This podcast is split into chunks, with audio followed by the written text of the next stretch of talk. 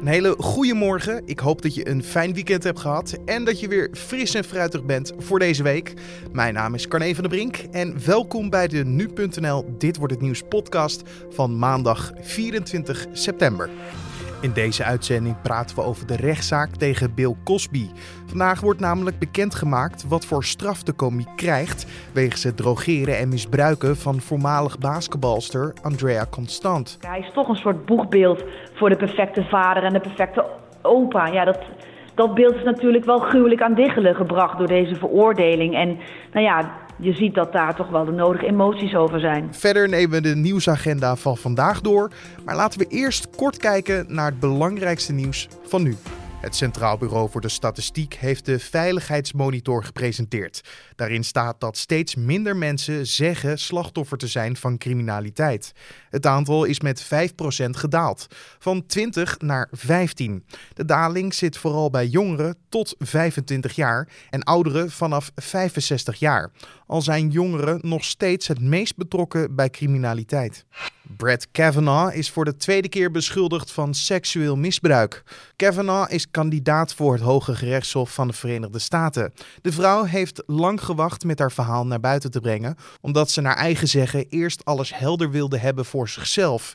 Het misbruik zou zijn gebeurd tijdens hun studietijd in 1983 of 1984. De golfer Tiger Woods heeft voor het eerst in vijf jaar een toernooi gewonnen. Hij won de Tour Championships in Atlanta. We thought we'd never see it, and I don't believe he thought either. Tour Championship winner. Tiger Woods, a winner again. Number 80. Woods was jarenlang de beste golfer ter wereld, maar belandde in een sportief en privé dal. Nadat bekend werd dat hij tientallen of honderden keren vreemd is gegaan. De lobby tegen het roken wil een andere rechter in de zaak die is aangespannen tegen de tabaksindustrie. Dat schrijft het AD vandaag. De rechter zou tijdens een diner met kennissen hebben gezegd dat iedereen zelf moet weten of hij rookt. De groepen denken dat de rechter niet objectief is en op voorhand hun verzoek afwijst. De groepen willen dat het Openbaar Ministerie de tabaksindustrie gaat vervolgen en dat willen ze afdwingen in de rechtszaal, omdat het OM het zelf niet wil. En dan gaan we kijken naar de dag van vandaag, oftewel dit wordt het nieuws. Vandaag wordt bekendgemaakt wat voor straf komiek Bill Cosby krijgt wegens het drogeren en misbruiken van voormalig basketbalster Andrea Constant. Tonight, the man once dubbed America's Dad is one step closer to becoming the first celebrity sentenced in the Me Too era. Guilty, guilty, guilty. Wat zijn de verwachtingen en hoe leeft deze zaak in Amerika? Dat vroeg ik aan strafrechtadvocaat Marielle van Essen. Nou, uh, meneer Cosby is een aantal maanden geleden al schuldig bevonden aan het seksueel misbruiken van basketbalster Andrea Constant in 2004. En uh, hij is ook schuldig bevonden op drie punten. En dat zijn eigenlijk alle drie afzonderlijke feiten waarvoor hij een maximumstraf van 10 jaar kan krijgen. En het eerste punt is penetratie tegen haar wil. Tweede is dat ze daarbij nog eens buiten bewustzijn was. En het derde punt is dat hij haar daarvoor ook nog zou hebben gedrogeerd. Um, drie keer tien is 30 jaar. Het zal waarschijnlijk een, gecombineerd, gecombineerde straf worden. En ja, de beste man is natuurlijk inmiddels al bijna 81. Dus nou ja, effectief gezien uh, ja, zal dat in zijn geval natuurlijk niet 30 jaar zitten worden. Ja, want hoe wordt zo'n strafeis dan bepaald? Je zei drie keer tien. Is dat echt letterlijk de rekensom? Nou, dat zijn de maximumstraffen die je per delict kunt krijgen. Um, nou, dat zal waarschijnlijk niet zo'n optelsom worden. Kijk, de jury heeft hem schuldig bevonden en uh, de rechter heeft een aantal maanden de tijd genomen om daar ja, een passende straf bij te bedenken. En ja, wat die straf zal zijn is natuurlijk lastig om, uh, om van tevoren te voorspellen. Omdat je kunt je voorstellen dat de rechter rekening houdt met het feit dat meneer Cosby natuurlijk al op leeftijd is. Van de andere kant kan het ook zijn dat de rechter er rekening mee houdt dat het niet alleen maar om één dame ging, maar waarschijnlijk om meerdere dames. Maar dat die feiten simpelweg waren verjaard en dat hij op die manier de dans is ontsprongen. Dus welke factoren nou zwaar wegen voor een rechter en zijn voor- of zijn nadeel, ja, dat zullen we waarschijnlijk dan uh, vandaag te horen krijgen. Maar hoe wordt dat dan bepaald? Uh, jij zei al, een jury is daar van tevoren dan uh, betrokken bij geweest. Maar hoe wordt zo'n strafeis nou bepaald? Nou, het is de jury die bepaalt of zij hem schuldig achten of niet. Nou, en hij is schuldig bevonden al een aantal maanden geleden. En het is nu aan de rechter om te bekijken welke straf dan passend is voor de feiten uh, waarvoor de jury hem schuldig heeft bevonden. En er zijn een paar factoren die uh, in zijn geval met name een rol zullen spelen. En dat is natuurlijk zijn hoge leeftijd. Het is toch iemand uh, waarvan niet te verwachten is dat als je hem 30 jaar oplegt, dat hij ooit nog ja, de gevangenis levend zal verlaten. Um, maar ja, van de andere kant, dat zou strafmatigend kunnen werken. Maar tegelijkertijd heeft het er toch wel alle schijn van dat er meerdere dames door hem zijn misbruikt. Uh, waarvoor hij de dans omspringt, simpelweg omdat die feiten zijn verjaard. En dat zal wellicht ook wel in zijn nadeel werken. Dus ja, waar de rechter uiteindelijk nou de meeste waarde aan hecht bij de bepaling van de straf, dat is heel lastig voor ons als burgers om te voorspellen. Ja, want het is ook lastig inderdaad door zijn hoge leeftijd, 81 jaar, om daar een pijl op te moeten trekken. Want 30 jaar kan je ook wel zien als levenslang inderdaad. Uh, dat, dat is een ja, lastig... in zijn geval natuurlijk wel. Hè. Hij is 81 jaar bijna. En uh, nou ja, dat betekent dat hij gewoon niet meer levend de gevangenis zal verlaten. En nou ja, goed, ook bij een straf, een, vrijheidsstraf van een aantal jaren uh, zal dat waarschijnlijk aan de orde zijn. Dus um, ja, de vraag is van, gaat een rechter zich daar nog aan wagen? Van de andere kant, het is toch een ernstig delict. Uh, het heeft er de schijn van dat deze dame, mevrouw Constant, niet de enige was.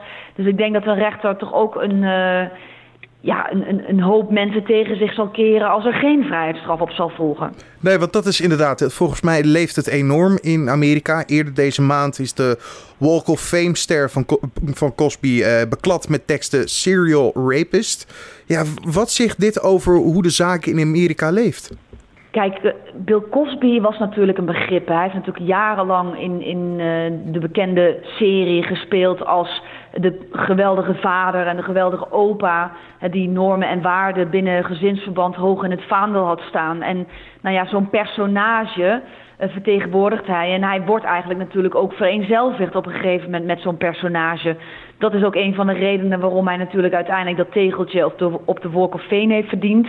Nou ja, als achteraf blijkt dat het, dat het een ordinaire verkrachter is, dan kun je je voorstellen dat mensen zich dat toch heel erg aantrekken. Hij is toch een soort boegbeeld voor de perfecte vader en de perfecte opa. Ja, dat, dat beeld is natuurlijk wel gruwelijk aan diggelen gebracht door deze veroordeling. En nou ja, je ziet dat daar toch wel de nodige emoties over zijn. Afsluitend, uh, wat is uw verwachting van de komende dagen en hoe het proces verder in Amerika zal verlopen?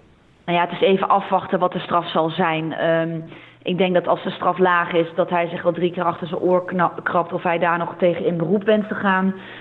Um, dus dat is heel lastig om nu te zeggen. Ik kan me zo voorstellen dat als hij geen vrijheidsstraf opgelegd krijgt, dat hij natuurlijk niet in hoger beroep gaat. Maar als dat een straf zal zijn van tien jaar, dat hij dat wel zal doen. Dus ja, dat is even afwachten wat, uh, wat de straf is. Je hoorde strafrechtadvocaat Marielle van Essen.